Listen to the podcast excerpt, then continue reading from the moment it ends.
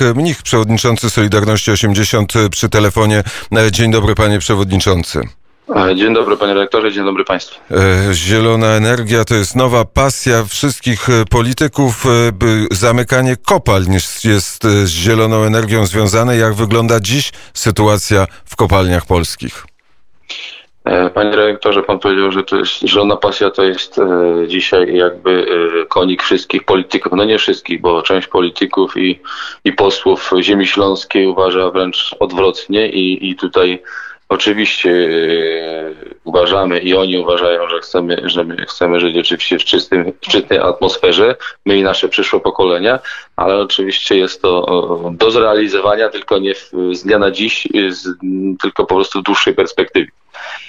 E, to, e, to jest e, prawda, że do tego potrzebna jest dłuższa perspektywa, ale co dzieje się dzisiaj na Śląsku? Czy jest jakiś pomysł na zamykanie kolejnych kopalń?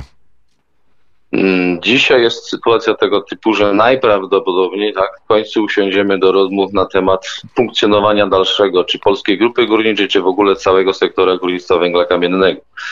Po ostatnim spotkaniu z panem wicepremierem Sasinem gdzie mieliśmy usłyszeć albo miano nam zaprezentować e, program restrukturyzacji polskiej, polskiej grupy górniczej e, i takiego dokumentu, ani takiej prezentacji, e, ani nie dostaliśmy dokumentu, ani dokonano prezentacji. Twierdzi pan minister, wicepremier Sasin, że taki dokument w mapie nie był przygotowany, więc nie ma co prezentować. I ustaliliśmy sobie na tym spotkaniu, że dzisiaj ma być kolejne spotkanie plenarne związane z powołaniem zespołów. Zespół najprawdopodobniej będzie jeden duży zespół, w którego skład będą wchodzili szefowie central związkowych, e, przedstawiciele Ministerstwa, e, Ministerstwa Aktywów Państwowych, Klimatu i Środowiska i prezesi poszczególnych spółek węglowych. No i mamy rozmawiać na temat właśnie funkcjonowania górnictwa, całego sektora górnictwa węgla kamiennego w połączeniu z energetyką i mają powstać podzespoły, które będą się zajmowały poszczególnymi y, spółkami górniczymi energetycznymi. Jeżeli słyszymy słowo restrukturyzacja e, górnictwa, to jesteśmy z tym słowem związani pewno już od 40, a co najmniej od tych 30 lat, kiedy, kiedy to górnictwo w Polsce jest restrukturyzowane, każdy kolejny rząd, a nawet jak teraz słyszymy, ten sam rząd dwa razy będzie restrukturyzował rolnictwo. E, Górnictwo, przepraszam. Dla mnie to słowo restrukturyzacja niestety ma znaczenie inne i jest to likwidacja, bo właśnie permanentnie, jak pan redaktor przed chwilą wymienił, od 40 lat słyszymy słowo restrukturyzacja, a za tym idzie likwidacja. E, mamy tą świadomość jako strona społeczna, że są oczywiście niektóre kopalnie, które w perspektywie dłuższej lub krótszej e, zczerpują swoje złoże i oczywistym jest, że po prostu będą zamykane ale oczekujemy tej rzetelności od rządu i od zarządów w przekazywaniu nam informacji, kiedy, w jakich procesach i faktycznie jakie możliwości poszczególnych zakładów.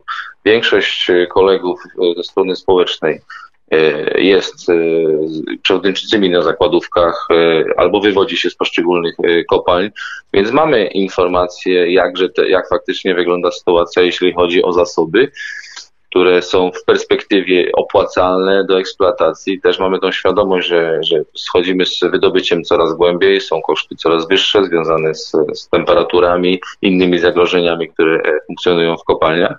I tą świadomość posiadamy, tylko potrzebujemy tak mówię, rzetelności i uczciwości w rozmowach, gdzie my posiadamy pewne informacje, a strona na przykład rządowa lub zarządowa twierdzi, że te informacje, które są nasze, to one są oczywiście wyssane z palca, a oni wiedzą, że stan faktycznie jest taki. No to skoro jest taki, to proszę nam za zaprezentować te dokumenty i będziemy, usiądziemy, też mamy swoich ekspertów i będziemy na ten temat bardzo rzeczowo rozmawiać. Mm, czyli e, można powiedzieć o tej sytuacji, że jest dynamiczna, że trwają rozmowy na Śląsku. A jaka jest kondycja Polskiej Grupy Górniczej i Jastrzębskiej Spółki Węglowej?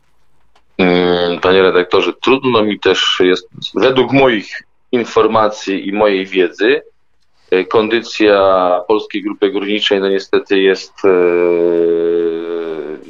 no, mogę powiedzieć, bardzo, bardzo trudna ze względu na, na sytuację choćby związaną z COVID-em i oczywiście z tą sytuacją, że zmniejszeniem zapotrzebowania na energię, nieodbieraniem przez energetykę zawodową węgla który jest składowany na, na składach e, przekopalnianych, hałdach przekopalnianych i, i, i sytuacja jest poważna. Na ostatnim spotkaniu na pytanie e, skierowane do prezesa Rogali, czy jest zabezpieczone finansowanie wynagrodzeń górników Polskiej Grupy Górniczej, stwierdził, że tak, że do końca roku, korzystając oczywiście z tarczy wsparcia z, e, rządowej, to że będzie, że, za, że wynagrodzenia są zabezpieczone, ale, ale czy, e, czy tarcza starczy? To jest oczywiście ciekawe pytanie, czy wątek importu rosyjskiego węgla pojawia się w czasie tych spotkań?